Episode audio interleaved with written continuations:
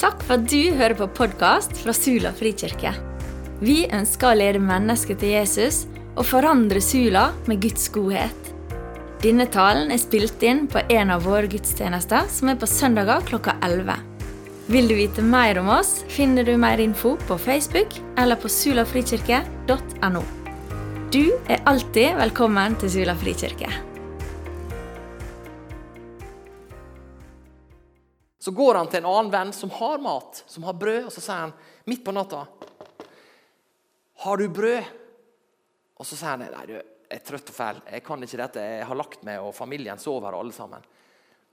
Og så står det og så gir ikke han seg. Han fortsetter å si 'jeg vet det, men jeg må ha brød'. For jeg har fått en venn på besøk, og jeg har ingenting å gi han. Og det er så katastrofe at jeg er villig til å gå over den terskelen det er å be på et upassende tidspunkt, konkret, og i det hele tatt komme nå på et tidspunkt som ikke jeg sjøl føler kanskje er bra, eller som du føler bra, for jeg må spørre om en ting. Har du brød? Og Det vi snakka om da, det var jo dette. Hva er det Jesus vil lære oss her? Jo, at han vil at vi skal be pågående. At vi ikke skal gi oss hvis ikke vi føler at vi får det rette svaret med en gang. Og at vi ber også om nok når vi ber Gud om å gi oss noe. At ikke vi ber pinete, men at vi sier Gud, gi meg nok til at de som møter meg hver dag, kan merke at jeg har brød. Og Brød i denne sammenhengen her, det er helt tydelig. Jesus er helt klar på det like etterpå. forklarende. Det er å ha Den hellige ånd med seg i livet sitt, i hverdagen. Slik at jeg kan møte denne personen i mitt liv, som kanskje ikke kommer til meg midt på natta, sånn som denne lignelsen er, men som jeg møter på jobb som jeg møter på Sulafjellet når jeg er ute og går tur. Som jeg møter på butikken. Eller på fotballbanen når vi står og heier på barna som spiller eh, fotball. og vi er liksom på kamp. Og så forteller han et eller annet som gjør at vi oppdager at her er det et åndelig behov. Og så kan vi få lov til å si så fint at jeg får høre dette. For du vet, jeg ber jo til Gud. Og jeg har ikke lyst til å be for deg. Slik at du skal kjenne det, at Gud han er konkret. Han er ikke en idé vi tror på, han er ikke en teori eller en religion vi har valgt oss. Men han er ekte. Og han kan gi trøst når du har det vanskelig. Han gir kanskje ikke akkurat det svaret vi gir, og vi kan be om helbredelse, så skjer ikke det nøyaktig slik som vi tenkte alltid. Men jeg er helt sikker på, kjære nabo, at hvis jeg får lov å be for deg, så tror jeg det er bra for deg. Dette er det Jesus snakker om. At vi ber om å få Den hellige ånd. Slik at når vi står i den samtalen, så sier han det. Det er så fint å snakke med deg. Det er så bra det du forteller. Og så kan de bli berørt av Den hellige ånd på, langs krittet på en fotballbane. Og så kan vi kjenne det. Sånn er det når Gud virker. Når han er der. Ikke når han er noe vi tror på og leser med en bok, men han er ekte. Og Spørsmålet i denne sekvensen her, den er egentlig har du noe å by frem? Har du brød? Og Hvis ikke, så må du si, 'Gud, jeg har jo ikke brød.' Du må gi meg brød. Du må gi meg Din Hellige Ånd. Du må gi dem Hellige Ånds gave inn i mitt liv, slik at jeg har noe å gi når jeg møter mennesker som spør jeg, hva er dette med Gud? Hva er dette med å ha Han i livet sitt når jeg har det vanskelig, når jeg ikke har håp, eller når jeg kjenner at jeg er usikker på hva er vitsen med livet?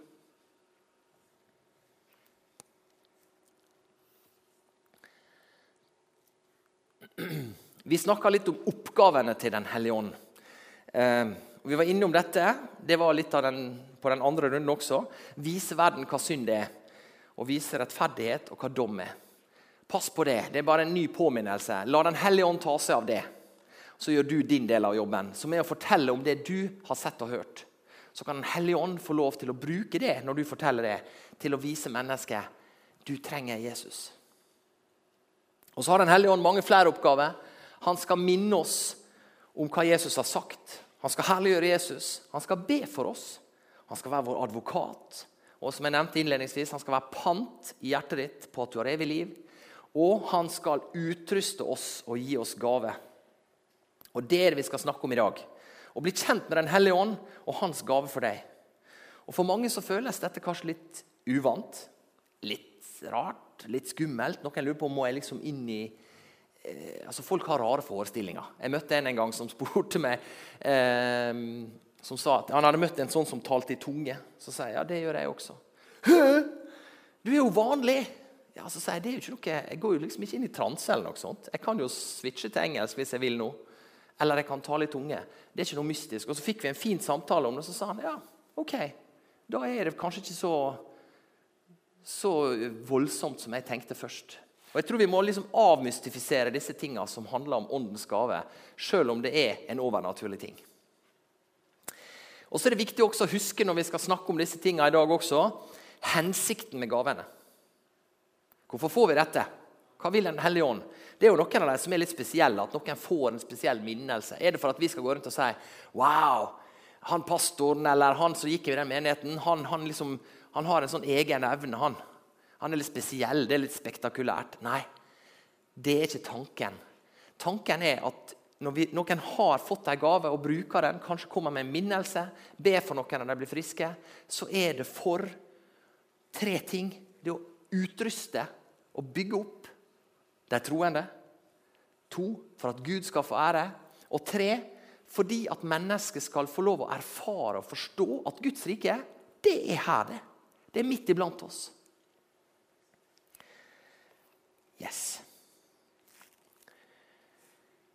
Nå har vi snakka litt om dette, og Forrige gang så hadde vi en liten runde på dette med profetisk gave. og Vi utfordra dere hjemme til å be for hverandre. Og Det hadde vært gøy nå hvis vi hadde hatt en dialog her. Nå får jo ikke vi det i dag.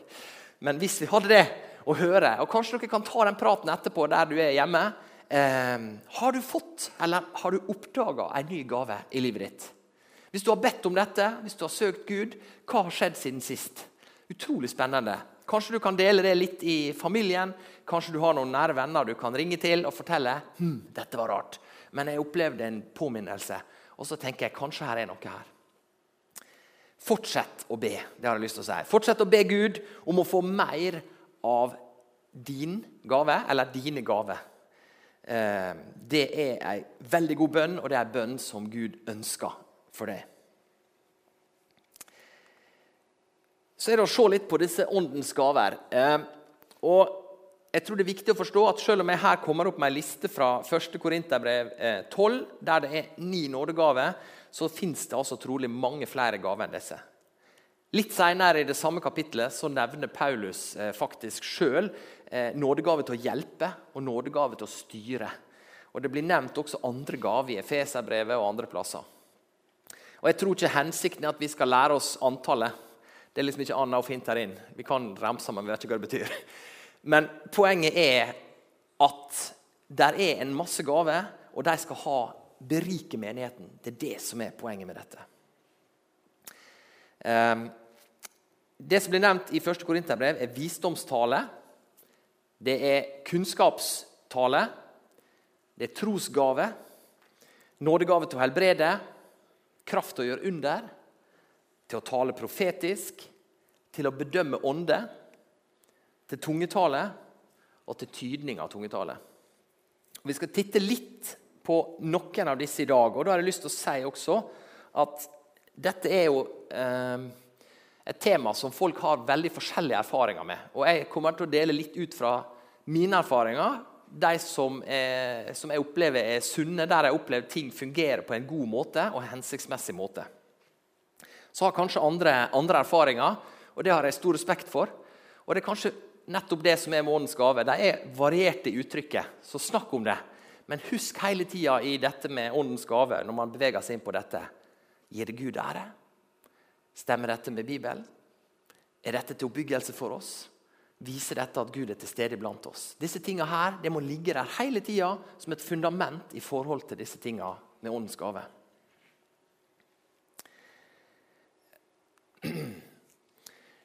Jeg har lyst til å utfordre deg til en liten reise i Johannes hvis du ikke har gjort det før. Og Så skal du få lov å lese hvis du får tid denne uka, eller ja, nå inn i advent kanskje, og lese Johannes for å titte, for å gå på jakt etter nådegavebruk. Jesus han setter i gang i Johannes på en fantastisk måte. Og Det han forteller når han kommer dit, det er Guds rike er nær. Og så begynner han å demonstrere det. Og Egentlig så ser vi Jesus han bruker alle nådegavene. De kommer, Han deler ut og setter i gang bruken hele tida. Johannes 1, 47, så står det om eh, at Jesus han så Natanael komme gående, og han sa Se, der er en israelitt, en som er uten svik. Hvordan visste han det? Det er et profetisk, det er et, det er et kunnskapsord som han har om han. Eller I Johannes 4, 18, så sier han til kvinna ved brønnen For du har hatt fem menn, du, og han du har nå, han er ikke din mann. Hvordan visste han det? Jo, det var et kunnskapsord som han kunne bruke. Og når hun hørte han si det, så tenkte hun wow! hva er det, Jeg må snakke mer med deg. Og så åpner han opp muligheten for han til å vise at Guds rike er nær. Johannes 1, 51, der taler Jesus profetisk. Han sier dere skal se himmelen åpne og Guds engler gå opp og ned over menneskesønnen. Og Johannes 2, 19, så sier Jesus svarte dem riv ned dette tempelet, så skal jeg røyse det opp igjen på tre dager. Profetisk om at han skulle dø og stå opp igjen. Og Hvis vi går videre, så ser vi at han har kraft til å gjøre under. Første mirakelet Jesus gjør, er Johannes 2. Der gjør Jesus vann til vin i Kana. Og I Johannes 4 så står det om historien om at Jesus helbreder embetsmannens sønn. Og her tenker jeg, er, Det er ganske proppfullt hvis du begynner å lese, så det, du, må, du, må, ta deg tid til det. Men det er veldig morsomt å se hvordan Jesus, Johannes forteller historier om Jesus som bare bruker nådegave fortløpende hele tida. Masse av, av, forskjellig art og på forskjellige plasser, men han demonstrerer bruken av det, for han har alle disse gavene. Og Det som skjer rundt disse gavene, det er jo at Gud får ære. Det er jo at folk forstår aha, Guds rike er nær. For, for de ser gavene i bruk. Og Jesus han sier det hver gang noe som skjer, så sier han det, sånne ting rundt disse mirakler og de tingene han gjør og gir kunnskapsord. Guds rike er nær. Han vil at folk skal forstå dette. Så dermed Det kan bli eller årets kanskje julekalender eller adventskalender. kanskje. Og oppdager, begynner Johannes 1, og begynner så setter du en hake hver gang du ser liksom et, eh, en nådegave i bruk. og Så kan du se hvor mange han bruker, og hvem det er. Det kan være en liten fin konkurranse i familien. Hvem fant flest? Det kan være en bra adventskalender, tenker jeg. Eh, vi har vært innom profetisk tale, og den vil jeg bare minne om igjen. fordi, eh, Det gjorde vi forrige søndag. Fordi dette er den gava der Paulus sier jeg skulle ønske alle at dere alle talte profetisk. Um, hvorfor det? Jo, fordi at den som taler profetisk, han taler til oppbyggelse, til formaning og til trøst. Det kan vi trenge alle sammen. Eh, det ser vi i 1. Korinterbrev 14. Der snakker han om dette. Um, så ta med en liten episode jeg hadde sjøl for ikke lenge siden. Jeg var et sted der eh, jeg skulle dra en bestemt plass og skulle møte noen folk. Og så fikk jeg en sånn her det var ikke skrifta på veggen, det var ikke noe annet, men det bare liksom datt ned i hodet mitt ordet 'unnskyld'. Hva betyr dette? Så var det sånn, OK, Gud. Uh, hva, hva, er det du tenker nå? Du må si det. Og Så var jeg et sted og skulle da dele noe til flere, sånn litt sånn som jeg gjør nå. Så sa jeg jeg vet ikke hvem det, det gjelder her, men jeg opplever at Gud minner meg på et ord som noen trenger i dag, og det er ordet 'unnskyld'. Du trenger å ta frem det ordet og finne ut hva det betyr. Jeg tror det betyr seg at noen trenger å si unnskyld til en person og si 'Det var min feil'. Var, jeg, jeg skulle ikke gjort det jeg gjorde. Unnskyld. Så føler man seg litt rar når man sier sånne ting, tenker jeg. Uh. Og så får jeg høre ei, vel ei uke seinere at det var én person i salen. Jeg skal ikke si hvordan, men en person som var i det rommet, som sa Bong! Traff meg midt i knollen. Og så måtte gå hjem og rydde opp i et forhold som hadde blitt fullstendig krasja. tenker jeg, Sånn er det med kunnskapsord og profetisk tale. Da ble det en person som fikk et ord fra Gud, og som han skjønte Gud ser meg. Og Han vil at jeg skal rydde opp, og han har nåde å gi hvis jeg går på dette ordet. Og Så gikk han på det ordet og så sa han unnskyld. og så så fikk de lov å rydde opp han og den personen som hadde på en måte kollidert så voldsomt. Og Disse tingene her, det er fantastisk når det kan begynne å virke sånn. når gavene kan virke sånn. Jeg visste jo ikke det, men det var en enkel ting.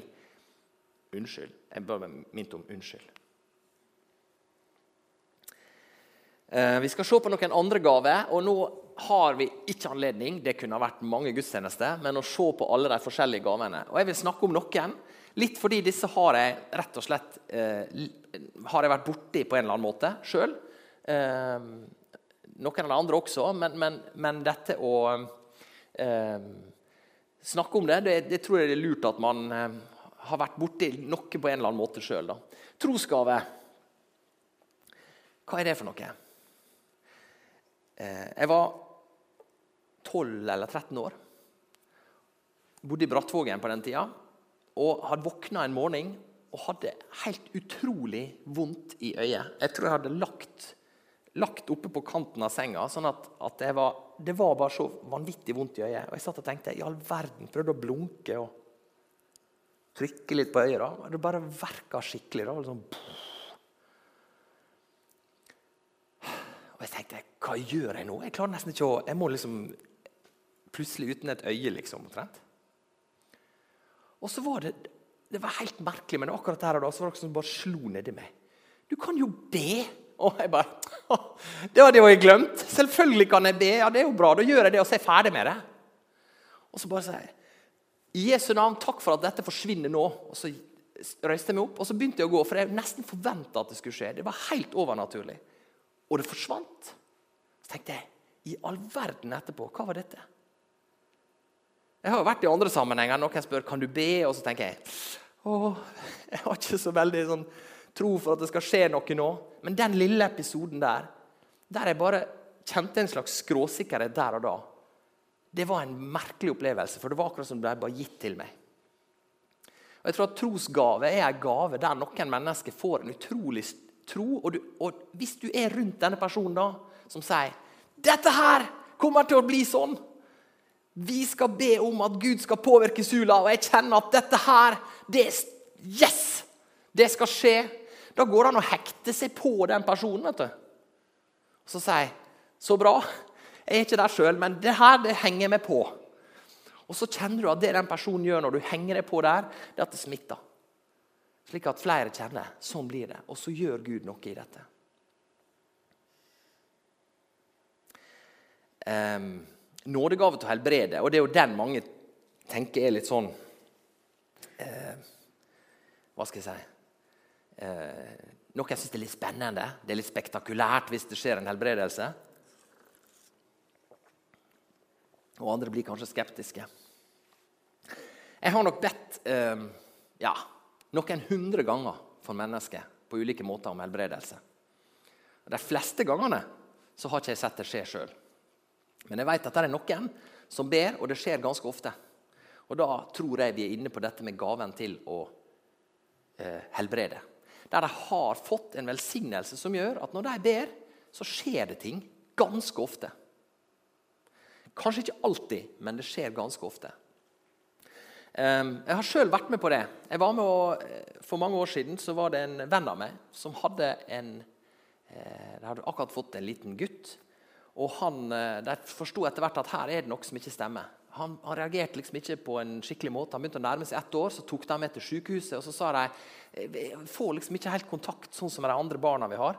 Kan dere undersøke han? De begynte å sjekke forskjellige ting. Kom tilbake igjen og så sa de det. Dette var i Oslo.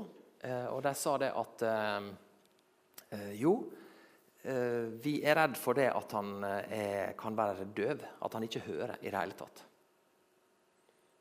Det er et sjokk. Så de liksom fikk med seg pamfletter hjem med sånn døvebarnehage, lære seg døvespråk, og bare tenkte Wow!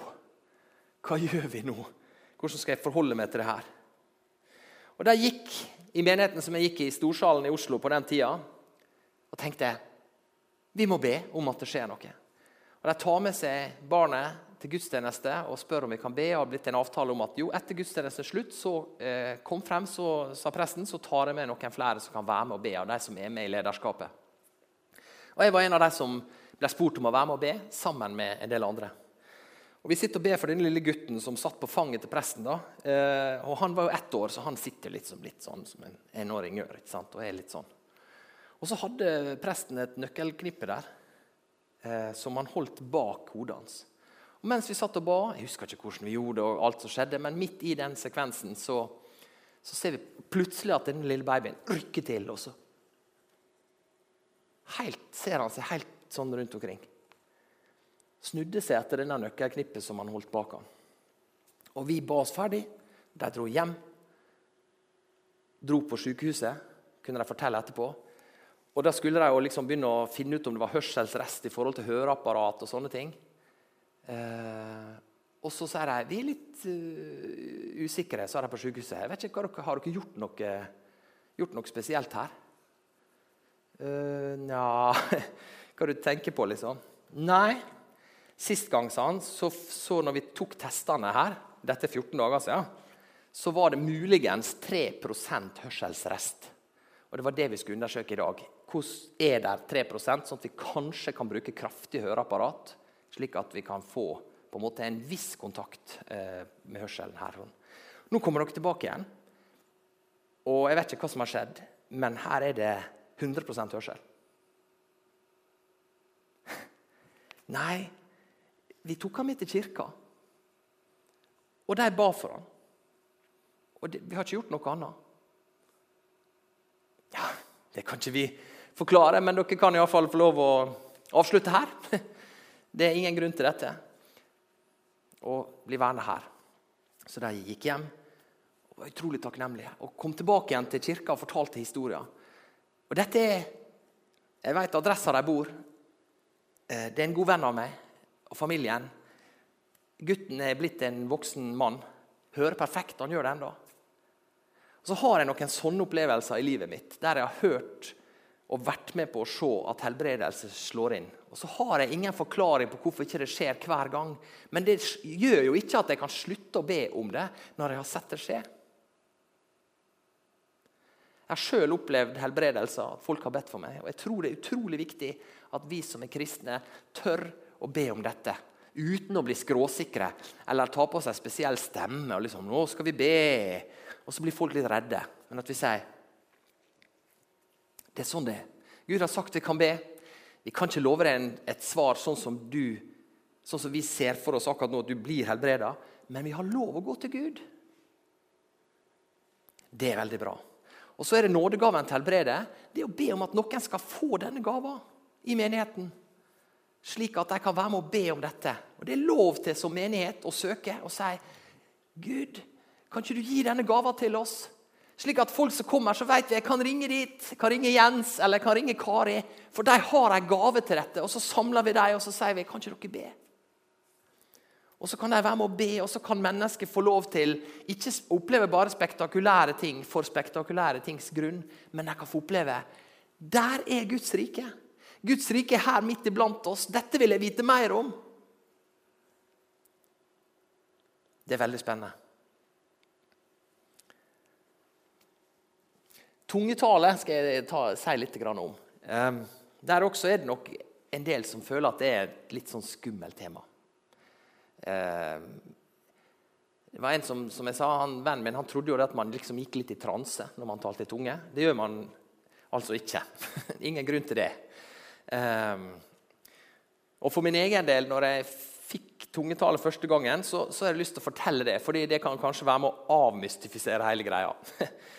Jeg var vel 18 år og reiste på et, eh, et Det var liksom pinsevennene som dreiv på med slikt når jeg var 18 år. Så jeg tenkte dette er spennende, det står i Bibelen, så jeg får finne de som holder på med slikt. Og så var jeg nysgjerrig på det, og så skulle de be for meg. Etter et møte så sa jeg det. Det var forbønn, og jeg gikk frem og sa jeg hørte om dette med tungetale og kunne tenke meg det. Å, fantastisk, Og de ville be. Så ba de og liksom venta på at det skulle komme noen ord. Det kom ingenting.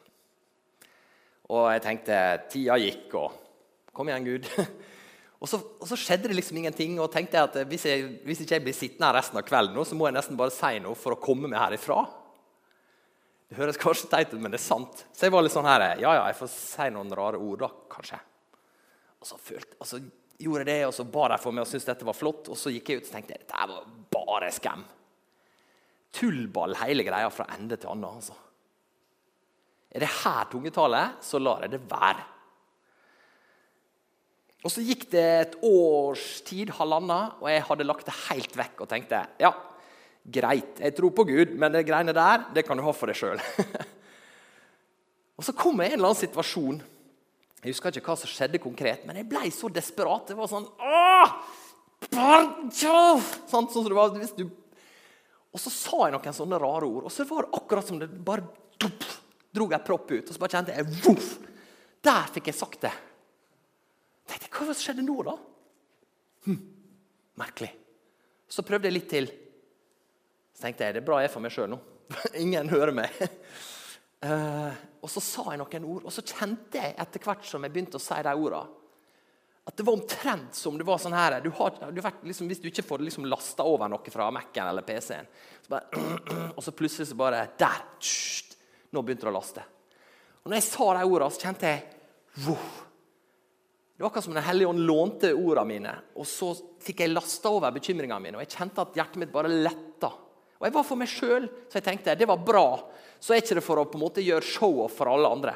Jeg var jo helt for meg sjøl, men jeg kjente Gud, dette var fantastisk. Så begynte jeg å teste det ut litt. Brukte det litt for meg sjøl. Og jeg tror at dette med tungetale handler om å be når du er tom for ord. Så går man over til et annet språk, og så får man lov til å låne ord som på en måte beskriver det på en annen måte. Det er ord som ikke jeg skjønner sjøl, men Den hellige ånd gjør det. Og han bruker de orda. Og Hvis du tenker på hva slags ord er det Det kan være forskjellige ord. Eh, jeg tror det kan være et ord som ingen, eller språk som ingen kanskje har. En baby, Det står jo det at eh, fra spedbarns munn har du beretta et vern, står det en plass i Bibelen. Det handler om at babyer de sitter jo sånn Så det kan godt være et sånt språk. Det kan også være et konkret språk. Og Da er det jo den, tror jeg, at det kan være til jeg, jeg, tenker at det har to, to, funksjoner. Den ene er til egen oppbyggelse, og da ber jeg det for meg sjøl. Da, jeg det, da er jeg ganske forsiktig med å gjøre det når jeg er til stede sammen med mennesker som ikke eh, jeg ikke veit hvor jeg er i forhold til dette med tungetale. For det er litt ubehagelig hvis du bare setter i gang en fyr, og så er du litt sånn Hjelp, hva er det som skjer nå? Så jeg er ganske varsom å bruke det i en forsamling der jeg ikke er sammen med folk jeg kjenner veldig godt. Men, det, eh, men å bruke det for meg sjøl kan jeg gjøre ofte i lønnkammeret eller når jeg ber til Gud. Sitte i bilen, f.eks. Så kan det være fint. Men så er det en tungetale til, og det er, det er ikke en annen tungetale, men det er den som skal tydes. Eh, det henger sammen med det siste punktet, tungetale og tydning. Eh, og det, det jeg tror dette handler om, det er at man kan et kjenne at jeg får et budskap. Jeg har noe jeg må få på en måte sagt, og at jeg skal si det til flere. Og så tror jeg at det er smart da, at det skjer i forsamlinga, og at det skjer ikke sånn at man bare reiser seg opp og setter i gang, men at man snakker med de som leder møtet. Hvis det er en setting for det i det møtet, og sier jeg tror jeg har et budskap. Eller kanskje det skjer i en husgruppe og sier jeg kjennes ut som jeg har et budskap som kanskje jeg skal si til flere. Er det noen som har, føler at de har fått noe annet? For hvis ikke, så lar jeg det ligge. Da var det kanskje bare for meg sjøl, til min egen oppbyggelse. Men hvis noen kjenner nå at jo, så bra at du sa, fordi jeg kjenner at jeg har gått og båret på noe sjøl. Da kan den første tale i tunge, og så kan den andre komme tydninga. Igjen så må jeg referere til eh, han som jeg bodde sammen med i flere år i Oslo. Vi delte hybel. Vi gikk sammen i menigheten, og han fikk et budskap en søndag. Jeg tenkte jeg skal jeg dele dette. Ai, kan la være. Kanskje jeg skal droppe det. Nei, så kjente han det. Jeg må gå frem. Så han gikk frem på første rad. Der satt de som leda møtet. Så sa han tenker kanskje at de har fått et budskap. Og De gikk frem og så sa de, vi har en som har fått et budskap. Så fikk han lov å komme med budskapet sitt. Den dagen så var det kommet ei jente som skulle studere i Oslo, som var fra Israel. Hun kunne nesten ikke noe norsk i det hele tatt. Hun var ganske fortvila og følte seg fullstendig ene og forlatt i Oslo. Hun hadde sneket seg inn for første gang, forvilla seg inn i menigheten der og satt på bakerste rad. Så går det frem en fyr som stiller seg opp, som hun så var norsk. Og Så snakka han uten aksent, sa hun etterpå, på flytende hebraisk. Og så sa han Gud har sett deg. Han veit hvordan du har det. Og han har håp. Det kom et, et budskap til henne der hun skjønte Pang! Det fins en Gud som taler til meg, og som ser meg i min nød. Dette er min kompis. Jeg bodde sammen med han i fire år. Jeg fikk høre, Han fortalte historien etterpå. Han sto der og sa Jeg visste ikke hva jeg sa, sa han. Men snak, han hadde snakka hebraisk. Det er jo helt rått. Hun kom igjen, kan man si, til den menigheten. Hun fortsatte å gå der og sa her må jeg være, for her er Gud til stede. Her får jeg mat. Her får jeg en Gud som ser meg, og som gir meg trøst og som gir meg håp, og som kan være min rettleder og som kan være veileder, og han som jeg kan laste av mine problemer med. Her vil jeg være. Her er Guds rike til stede. Det er derfor folkens, det er derfor det er så viktig at du sier Gud, jeg syns dette er vanskelig, men jeg vil være med på dette. For det kan være med å åpne Guds rike over hele Sula, slik at mennesker som er her, kan kjenne her er Gud. Så Derfor har jeg så lyst til å utfordre deg på dette. Be Gud om å vise deg disse gavene. Nå har vi holdt på tre, tre søndager og snakka om disse tingene. Og du kan velge, du har to valg. En, du kan si nå har jeg lært litt om dette. Og Så kan du begynne å mene om det. Jeg er enig, uenig, jeg syns eller ikke syns. Det er det ene valget. Det andre valget du har, det er å tenke Gud, her er det noe. Dette vil jeg inn i. Jeg vil ikke bare forstå det her, jeg vil få det her. Jeg vil begynne å lære meg dette. Jeg vil begynne å søke deg, Gud, og si Gud, gi meg disse gavene, slik at jeg kan påvirke naboene, sånn at jeg har brød å gå med under armen når jeg møter mennesker rundt omkring i Sula. Og Du møter dem hver dag. La oss søke Gud på disse tingene og si Gud, gi meg de gaver du har for meg, og gi meg nok av dem, slik at det merkes at ditt rike er iblant oss.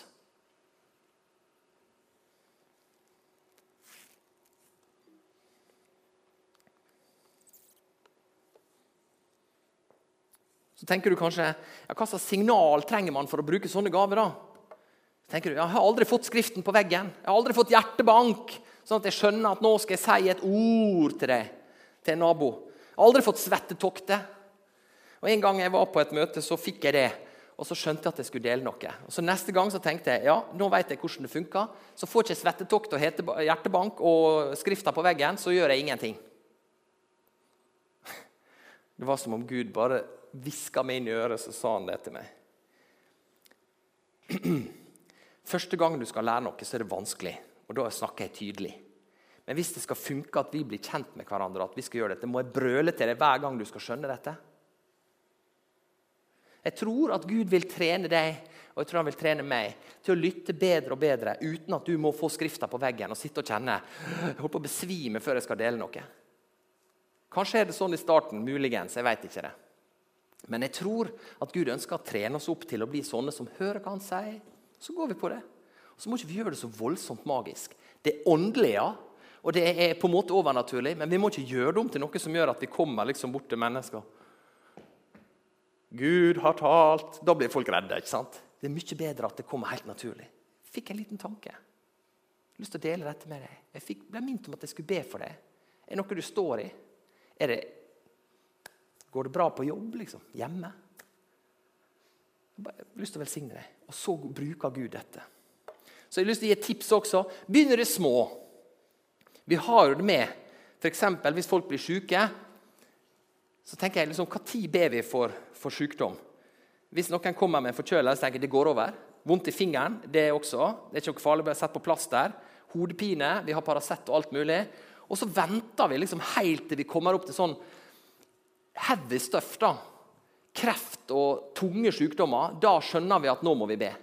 Så tenker jeg at Gud sier Vær tro i smått. Hva betyr det? Jo, jeg tror det handler om begynn med den lave tinga. Hvis barna ditt kommer og har vondt i fingeren, sier vi skal vi be for det. Kjære Gud, nå ser du det vondt i fingeren. Be om at du skal helbrede dette i Jesu navn. Taler vi til den fingeren og så sier vi slutt å være vond. Så ber vi Den hellige ånd være til stede inn i sånne ting. I de enkle tinga. For hvis vi tror i smått, så kan vi være tro i de store tinga også. Og så begynn med folk du kjenner. Begynn med de som vil deg vel. Begynn i husgruppa eller i familien din og så sier kan ikke vi prøve dette. da? Jeg, søker vi Gud, og så sier vi jo, fikk en liten tanke. Kan jeg dele det til deg, ikke sant? til mamma eller til pappa? Så kanskje de kan få noe, eller du får noe til barna dine. Eller til noen som står deg nær. Så begynner du der, i det enkle og det små. Og så trener vi oss. så gjør vi litt feil og dummer oss litt ut og tenker ja, ja, nå sa jeg sikkert noe feil. Det er ikke farlig. Som vi sa en gang her før, spytt ut fisken. Spytt ut beina og spis fisken. Ta med deg det som er bra med dette, og så går vi inn i det sakte og sikkert. Og så gjør vi det for å ære Gud, for å be om at Hans rike skal være nær, og for at mennesket skal skjønne det, at Gud vil være i livet deres. Kjære Gud, tusen takk for at vi får lov til å komme til deg. Og Jeg ber om Gud at du hjelper oss med disse tingene her. Det kan være litt sånn vanskelig dette med åndens gaver, i hvert fall når vi faktisk skal begynne å praktisere det. Når ikke vi bare skal snakke om det og høre om det. Nå ber jeg om Gud at du ved Den hellige ånd skal virke ut i alle hjem, på alle som ser på dette i dag, og videre i menigheten her de neste åra. Slik at mennesket får en hunger etter å si Gud, gi meg brød, gi meg Den hellige ånd, gi meg dine gaver. Så ber jeg om Gud at du skal gjøre det. Send Den hellige ånd. La oss få lov å se det skjer, at gavene begynner å blomstre i menigheten. her, At folk får de ulike gavene, og at det blir brukt til å bygge opp ditt navn, Gud.